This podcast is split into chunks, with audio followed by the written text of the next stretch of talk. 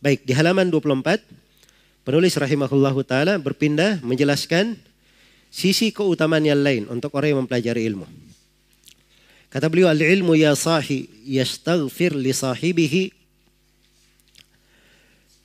ahlus samawati wal ardina ahlus samawati wal ardina min lamami kadaka tastaghfirul hitanu fi lujajin minal bihari lahu fi dhawi minal minal bihari lahu fi dhawi wad dhulami. Kata beliau al-ilmu ilmu itu ya sahi wahai kawanku ya yastaghfir.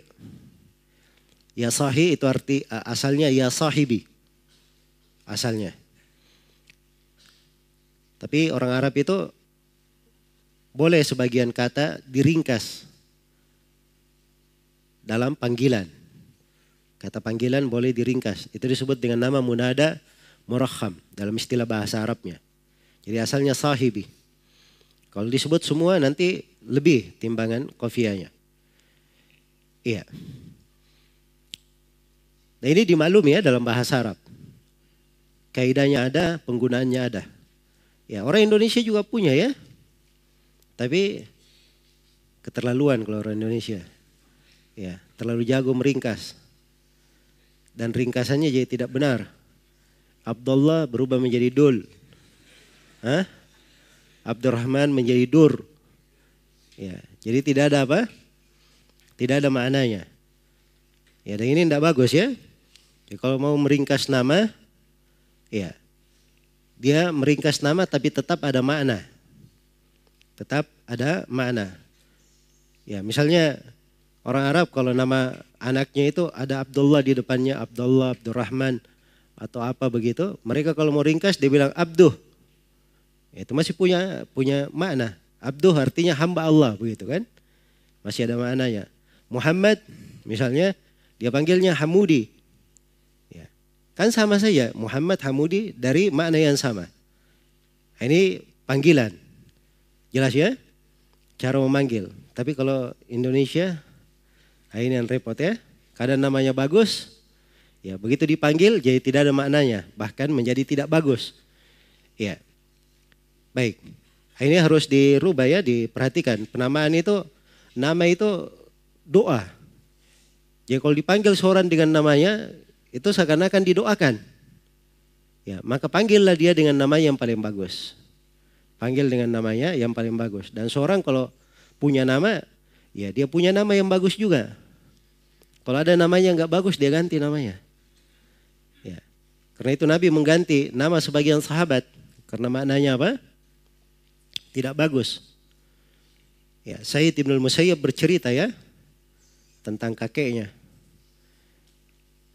Kakeknya itu sahabat. Nabi bilang kepadanya, kakeknya namanya Hazan. Hazan itu artinya kesedihan. Kata Nabi ganti nama kamu. Tapi dia tidak mau ganti. Akhirnya kata Ibn Musayyab, terus kesedihan di tengah keluarga kami katanya. Ya.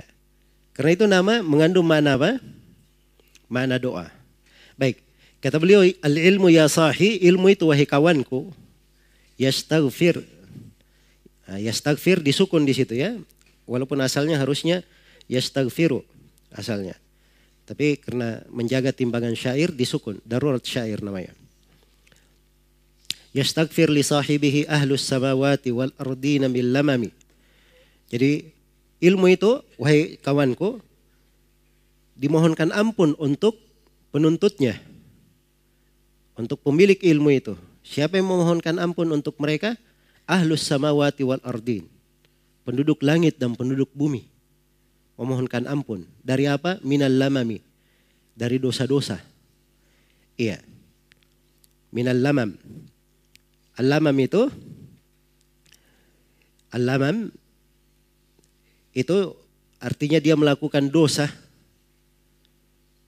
dia melakukan dosa kadang tidak dia menyadarinya. Iya, bukan dia terus menerus. Ini dibahasakan untuk dosa-dosa kecil. Untuk dosa-dosa kecil. Jadi penuntut ilmu, ahlul ilm, dosa-dosa kecil mereka itu itu gugur. Ya. Sepanjang mereka mengajarkan ilmu. Itu digugurkan. Adapun dosa-dosa besar tentunya dosa besar itu harus dengan apa? Dengan taubat. Iya. Jadi dimohonkan ampun untuk penduduk langit dan penduduk bumi. Kada kadaka tastaghfirul khitanu fi lujajin minal bihari lahu fi dha'i wad dulami. Sebagaimana ikan-ikan di tengah atau di dalam dasar lautan juga memohonkan ampun untuk ahlul ilm fi dha'i wad dulami. Ya. Maksudnya di siang dan di malam hari. Di terang maupun di gelap.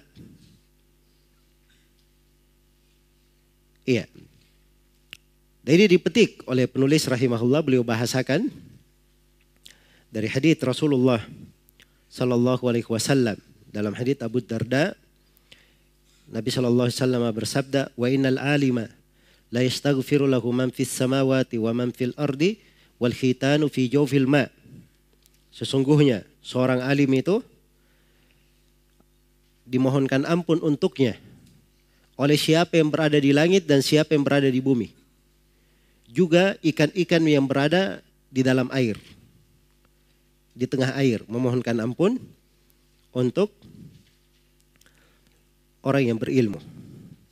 Iya, dan ini keutamaan yang sangat besar. Keutamaan yang sangat besar. Bagaimana mereka selalu dimohonkan ampun oleh siapa yang di langit, maksudnya yang di langit adalah para malaikat. Dan siapa yang di bumi, maksudnya yang di bumi adalah manusia. Ya mungkin ada yang bertanya, kalau di bumi manusia, bagaimana orang kafir memohonkan ampun? Ya. Orang-orang yang fasik, apakah mereka juga memohonkan ampun untuk orang yang berilmu? Jawabannya iya. Karena lisan itu dua macam. Ada lisan hal dan ada lisan apa? Makal. Ada lisan keadaan, kondisinya, dan ada lisan yang berbicara. Mungkin lisannya tidak berbicara, tapi kondisi dia, dia mensyukuri ahlul ilm. Iya. Karena kebaikan yang dilakukan oleh orang yang berilmu, ya baik seluruh yang ada di atas muka bumi. Sampai orang-orang yang berada, apa sampai hewan-hewan pun makhluk yang lain pun aman. Sepanjang orang yang berilmu masih mengajarkan apa? Mengajarkan ilmu. Dan ini terbukti ya di masa sekarang. Ya perhatikan itu ya. Sampai menjadi masalah internasional. Orang bakar hutan. Kenapa dia bakar hutan? Ya. Ini ada bentuk dari kejahilan, tidak paham. Jadi kalau diajarkan ilmu kepada mereka, ilmu tentang melestarikan hutan, keutamaan menanam tanaman, diberi ilmu tidak boleh menyakiti orang lain, tidak boleh membahayakan manusia. Andai kata ilmu-ilmu ini masuk ke mereka, maka akan aman hutan itu. Ya. Dan itu fungsinya ahlul ilm. Kalau mereka menyebarkan ilmunya, kena orang-orang itu akan aman hutan itu. Sama di laut juga begitu. Iya.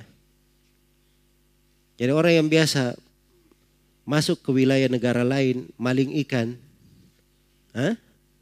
Orang yang menangkap ikan dengan cara membom di lautan. Nah, ini kan semuanya perlu diberi dari apa? Pengajaran-pengajaran. Diberi dari pembahasan-pembahasan syariat.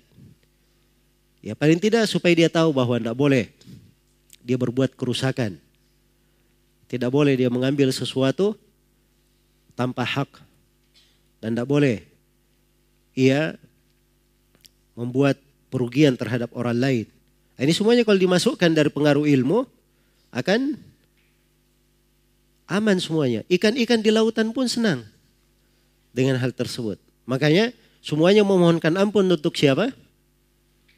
Untuk ahlul ilm. Sebab hanya mereka yang bisa melakukan itu. Iya.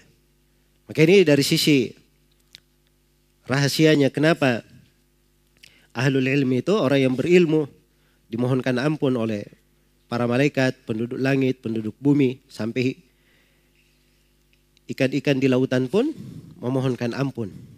Iya. Untuk mereka. Sampai di dalam sebuah riwayat sampai semut di lubangnya juga memohonkan ampun untuk siapa? Untuk orang-orang yang mengajarkan ilmu. Dan ini dari keutamaan mereka dan pengaruh yang baik ahlul ilm, orang-orang yang berilmu. Jadi orang yang berilmu itu kalau dia benar berilmu, pengaruhnya bagus untuk negeri. Tidak ada keamanan kecuali dengan orang-orang yang berilmu. Iya. Karena itu kata Salih bin Abdullah Tasturi rahimahullahu taala, la yazalun nasu bi khairin ma sultana wal ulama. Terus menerus manusia itu di atas kebaikan sepanjang mereka masih mengagungkan pemerintah dan ulamanya. Sebab ini dua komponen. Tegak baiknya sebuah negeri. Pemerintah dan siapa? Dan ulamanya. Iya. Tidak benar kalau dikatakan diagungkan pemerintah saja, dia tidak hormati ulamanya. Demikian pula sebaliknya, dia hanya menghormati ulama, dia melanggar dari hak pemerintah. Tapi diagungkan dua-duanya. Dan dua-duanya diperintah untuk diagungkan di dalam dalil-dalil Al-Quran dan Sunnah Rasulullah Sallallahu Alaihi Wasallam. Nah itu sebab kebaikan manusia. Ini semuanya pengaruh dari apa? Pengaruh dari ilmu agama. Iya. Baik. Setelah itu penulis rahimahullah berpindah menjelaskan keutamaan yang lain. Di bait syair yang ke-36 di halaman 25 kata beliau wa kharijun fi tilabil ilmi muhtasiban mujahidun fi sabilillahi ayyu kami. Kata beliau dan seorang yang keluar dan seorang yang keluar fi tilabil ilm di dalam mencari ilmu tilab bermana mutalabah Kan wazannya seperti itu ya. Talaba yutalibu mutalabatan wa tilaban. Fa'ala yufa'ilu mufa'alatan wa fi'alan. Kan begitu ya. Sini tilaban. Jadi wa kharijun fi tilabil ilm. Dan orang yang keluar di dalam mencari ilmu muhtasiban. Di mana dia mengharap pahala dari Allah Subhanahu wa taala karena hal tersebut mujahidun fi sabilillah. Maka dia dianggap orang yang berjihad di jalan Allah. Ayu kami. Maksudnya dia berjihad ya dengan segala kekuatannya. Segala keberaniannya. Segala keberaniannya.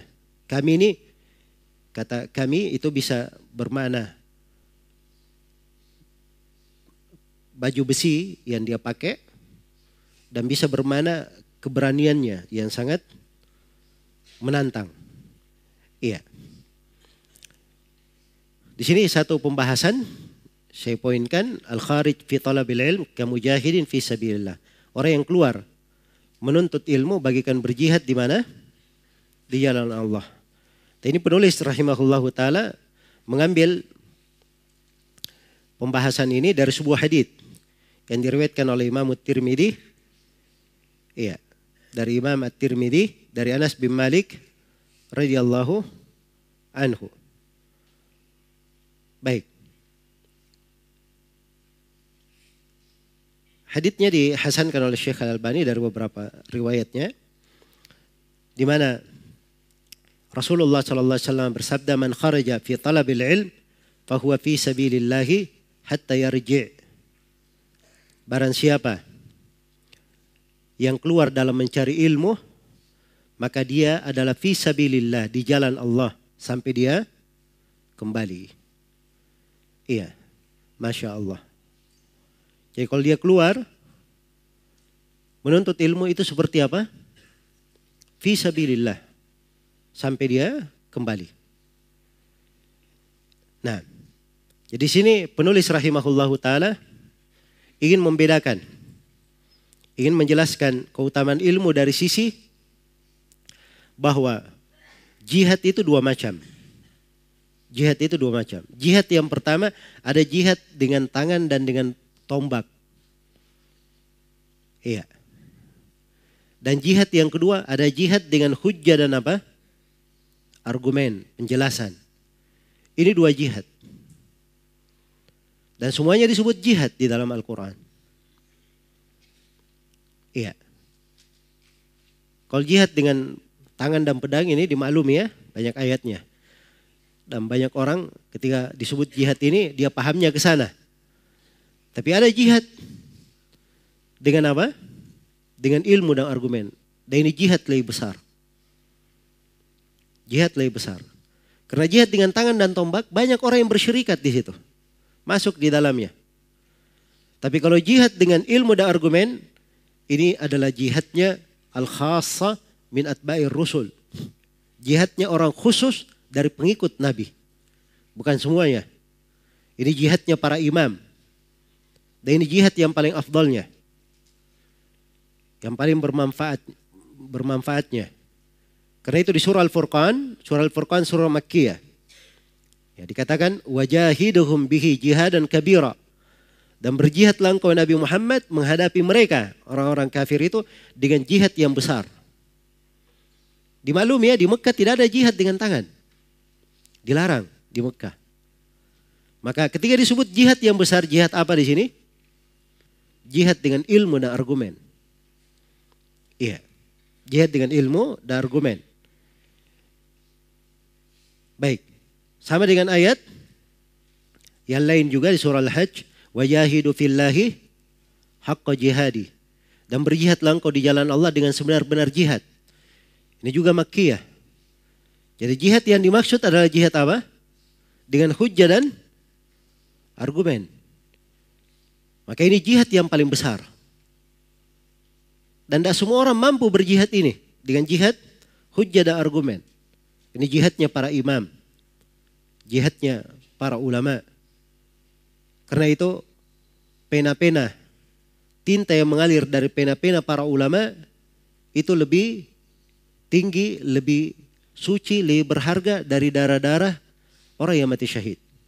Yang dibahasakan oleh seorang penyair, wa mija wa midadu ma tajri bihi aqlamuhum azka min azka afdal wa azka min dami syuhadai.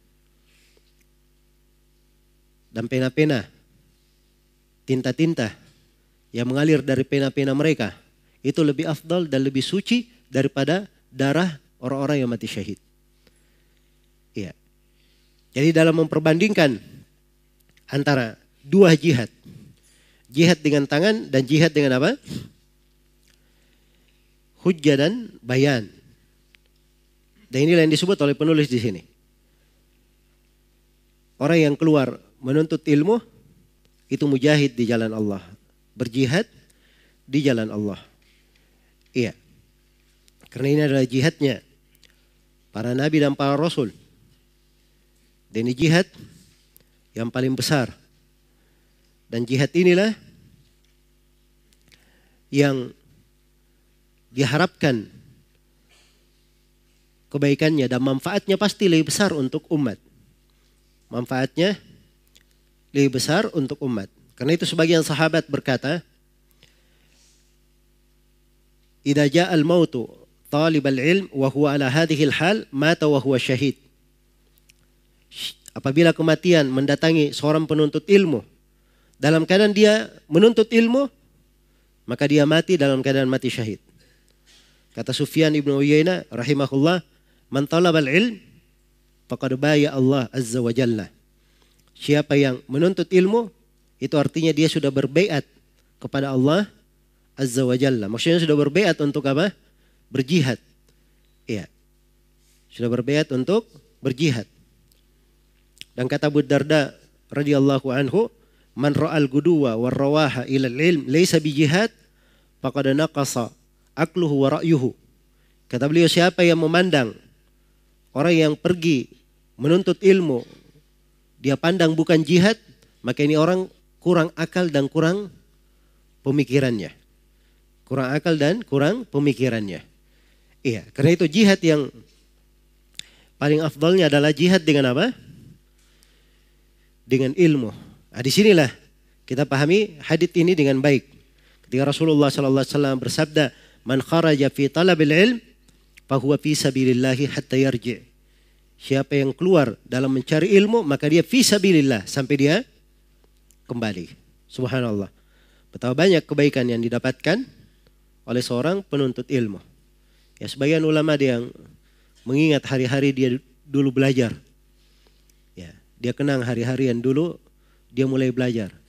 Katanya saya keluar dari rumah sebelum subuh dan saya balik ke rumah setelah isya. Setelah apa? Setelah isya. Ini keluar belajar. Ya, dan jarang di masa ini ada yang seperti itu ya. Ya biasanya seperti ini kalau orang mau pergi kerja. Ya, sekarang ini. Ada yang pergi sebelum subuh, nanti balik setelah isya. Ya. Tapi ini di masa dahulu mereka seperti itu. Bahkan di masa dahulu ada yang kalau dia mau menghadiri majelis guru, iya. Dulu tidak ada mikrofon. Hah? Dan mereka semua berlomba-lomba berada duduk di depan guru. Duduk di depan guru. Wah itu luar biasa. Mereka semangatnya untuk duduk di depan guru. Jadi ada yang sampai dia tidur di situ di tempat duduknya. Ya supaya jangan ada yang apa?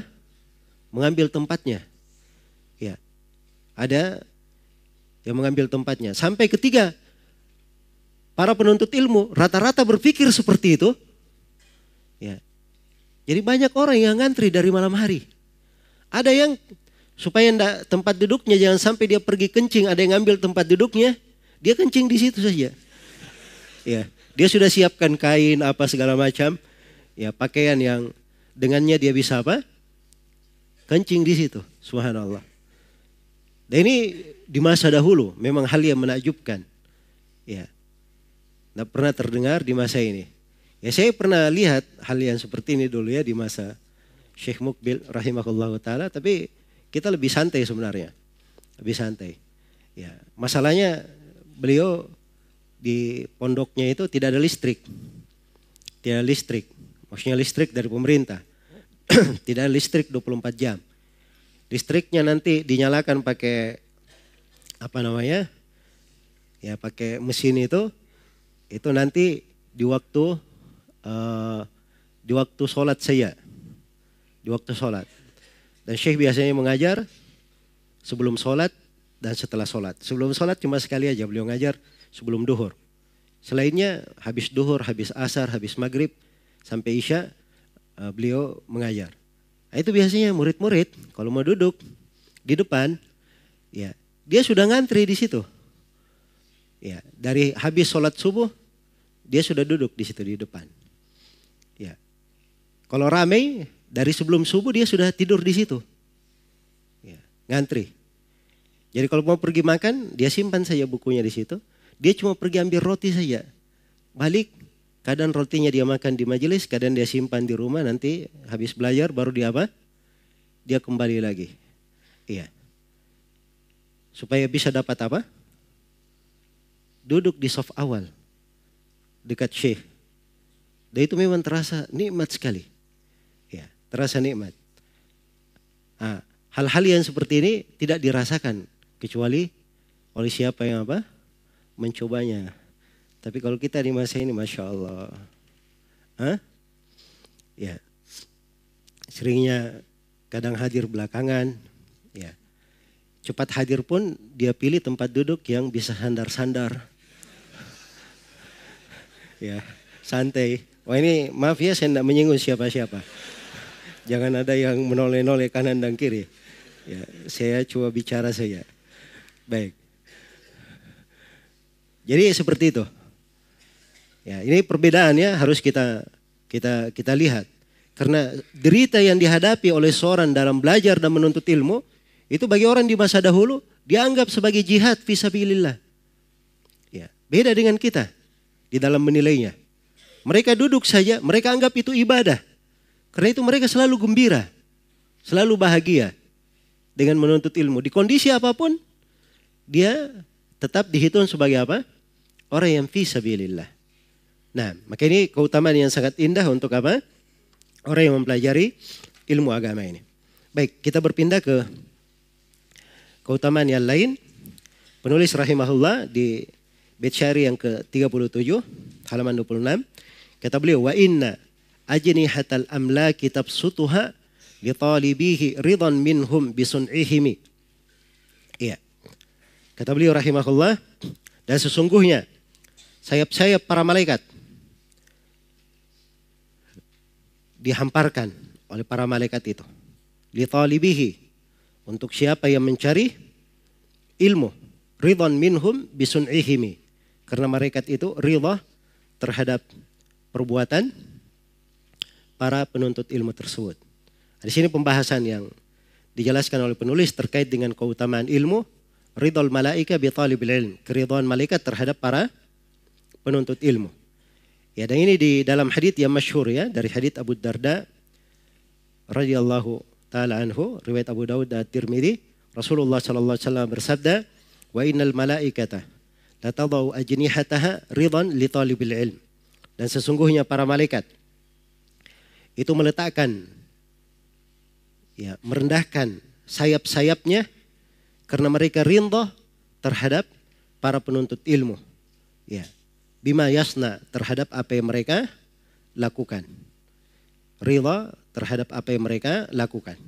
Dan di dalam hadits Abu Hurairah yang diriwayatkan oleh Al-Bukhari dan Imam eh, Muslim, Rasulullah sallallahu alaihi wasallam bersabda, "Ma min qaumin jalasu fi baitin min buyutillah yatluna kitab Allah wa yatadarasunahu fi ma bainahum illa nazalat alaihimus sakinah wa ghasyiyatuhumur rahmah wa haffathumul malaika wa dzakarahumullahu fi man indah." Tidak ada satu kaum pun yang duduk di rumah dari rumah-rumah Allah. Mereka membaca kitab Allah, saling mempelajarinya antara sesama mereka. Kecuali akan turun kepada mereka ketenangan, sakinah. Diliputi oleh rahmat, dinaungi oleh para malaikat. Dinaungi oleh para malaikat. Baik, jadi di sini ketika para malaikat menghamparkan sayap-sayapnya untuk para penuntut ilmu, ini menunjukkan mereka merendah kepada siapa? Para penuntut ilmu. Menghormati, memuliakan para penuntut ilmu. Sebab para penuntut ilmu ini mereka yang membawa dan menyandang warisan para nabi. Dan yang mencarinya. Dan yang mencarinya. Maka kecintaan para malaikat terhadap para penuntut ilmu. Ya, ini memberikan mana pentingnya kita mencintai dan mengagungkan apa? mengagungkan ilmu. Iya. Ada orang yang kadang dari sisi akhlaknya dia kurang bagus. Tapi orang yang bagus hatinya, ya karena orang ini walaupun dia ada kesalahan, ada hal yang tidak baik, sepanjang dia penuntut ilmu, maka dia menghormati apa yang dia tuntut, bukan terkait dengan orangnya. Ya, ini menunjukkan apa? Hatinya yang bagus dan pengetahuannya yang baik. Karena itu siapa yang belajar dan menuntut ilmu dia hormati hal tersebut. Iya. Orang-orang yang menyandang Al-Quran, menghafal Al-Quran, menghafal hadits Rasulullah Sallallahu Alaihi Wasallam. Ah, itu di masa dahulu dihormati sekali. Ya, sangat dihormati. Ya. Walaupun di masa sekarang ini itu kurang pandangan manusia terhadapnya. Karena manusia berbeda di dalam memandang kebaikan itu. Ya, cahaya kehidupan akhirat itu redup di hati banyak manusia. Redup. Bahkan ada yang padam. Kegelapan dunia yang mendominasi. Tapi kalau cahaya kehidupan akhirat yang kuat, maka penghormatan terhadap ilmu pasti akan apa? Pasti akan lebih baik. Pasti akan lebih baik. Iya. Dulu ada seorang apa namanya uh, ahlul ilm tinggal di Mekah. Iya. Dia tinggal di Mekah. Orang ini suatu hari menemukan sebuah barang. Begitu dia buka barangnya, ternyata isinya adalah berlian yang sangat mahal sekali. Kalung begitu, dari berlian dari mutiara sangat mahal sekali. Ya, hukum syar'i untuk barang temuan di Mekah, hukumnya orang yang mengambilnya itu hanya mengambil untuk dia umumkan. Maka syekh ini ketika mendapatkan barang itu, dia pun menyimpannya. Begitu dia akan umumkan, sudah ada orang yang mengumumkan kehilangan barang. Iya. Maka dia pun memanggil orang tersebut. Dia katakan kepadanya barang kamu apa? Dia sebut barangnya. Kalung, seperti yang dia sebut. Warnanya apa? Disebut sama warnanya. Penutupnya apa? Terus tali yang mengikatnya apa? Semuanya disebut. Persis jawabannya. Ya, ini fikih ya di dalam barang temuan. Ya. Dalam barang temuan. Seperti itu kalau mau kembalikan. Sama kalau di masjid ditemukan dompet. Ada yang kehilangan dompet, panitia pegang. Begitu datang, Pak saya kehilangan dompet. Langsung dikasih dompetnya. Tanya dulu. Ya. Dompetnya warna apa? Siapa tahu dompet orang dia datang ngaku-ngaku saya. Ya, kalau disebut warnanya benar, ya. Boleh dia lihat apa isi dompet tersebut. Ada uangnya kata apa. Dia tanya ada berapa duitnya di dalam misalnya. Ya kalau pemilik dompet biasanya dia kenal. Dia berikan pertanyaan yang meyakinkan bahwa itu memang adalah apa? Milik dia. Akhirnya setelah barang ini semuanya dia sudah sebutkan memang betul miliknya diberikan. Ya ini memang barang kamu. Maka orang ini gembira sekali. Ya, karena ini barang mahal yang dia punya. Ya. Dan yang paling ininya lagi istimewanya ini barang adalah hadiah untuk putri dia. Maka dia ingin memberi hadiah untuk Syekh ini. Kata beliau tidak boleh, saya tidak mengambil hadiah di sini. Ya, dia tidak mau mengambil sama sekali. Akhirnya waktu bergulir, Syekh ini keluar di suatu keperluan, menyeberangi lautan, terjadi musibah yang menimpa kapal beliau, ya akhirnya tenggelam kapalnya, terdampar beliau di sebuah pulau. Terdampar di sebuah pulau. Di pulau ini, nah di situ dilihat pengaruh dari ilmu. Di pulau ini dia dapati anak-anak di masjid tidak pandai membaca Al-Quran. Maka dia pun gembira dengan hal tersebut. Dia duduk mengajari manusia apa? Bacaan Al-Quran. Sampai penduduk pulau ini pandai membaca Al-Quran. Pandai membaca Al-Quran. Nah, ini keadaan manusia seperti itu. Iya. Dari masa dahulu. Penghormatan mereka terhadap ilmu sangat apa? Sangat baik dan semangat mereka belajar juga bagus. Ya dan sama saja kalau dia berada di mana pun dapat pulau misalnya anak-anak dapat membaca Al-Quran. Dia mulai dari situ diajari orang-orang baca Al-Quran. Maka senang manusia diajari hal yang bagus. Ya. Maka penduduk pulau pun sangat berterima kasih. Mereka berkata, "Wahai Syekh, kami di sini ada seorang anak perempuan dia sudah apa namanya? Uh, tidak ada lagi keluarganya dan kami ingin menikahkan kamu dengan anak itu." Ya. Ringkas ceritanya akhirnya dia menikah dengan anak perempuan tersebut. Ya. Begitu dia melihat istrinya, ternyata kalung yang dia temukan di Mekah ada di leher istrinya. Ada di leher istrinya. Maka dia bengong saja melihat kalung itu. Ya. Dan tidak berbuat apa-apa. Istrinya pergi mengadu kepada keluarganya. Ini ada apa syekhnya? Dia bengong saja melihat saya. ya, maka orang-orang pun tanya kepada beliau. Maka beliau menjawab, ini kalung yang dulu saya ketemukan di mana? Di Mekah dia ceritakan kisahnya. Penduduk pulau pun gempar mereka. Ya histeris takbir sana sini. Dia yang balik menjadi heran, ada apa? ya. Kata penduduk pulau subhanallah, ayah anak perempuan ini, dulu ketika dia balik dari Mekah, dia bercerita kisah ini. Dan dia berkata, saya temukan di sana ada seorang luar biasa amanahnya. Dan saya berdoa kepada Allah di jalan, Semoga Allah menikahkan dia dengan putriku. Ya. Subhanallah. Dan terjadi hal tersebut. Dan ini kisah yang ma'ruf dia. Disebutkan di buku-buku biografi. Cuman saya lupa nama nama syekhnya. Baik. Jadi di dalam uh, kisah ini maksudnya dari pelajaran yang kita petik penghormatan manusia terhadap ilmu, penghargaan terhadap ilmu di masa dahulu itu jauh lebih baik daripada di masa sekarang. Nah, Dan di sini di dalam pembahasan ridha malaikat terhadap penuntut ilmu. Ya, bagaimana mereka menghormati dan memuliakan para penuntut ilmu untuk hal tersebut. Iya.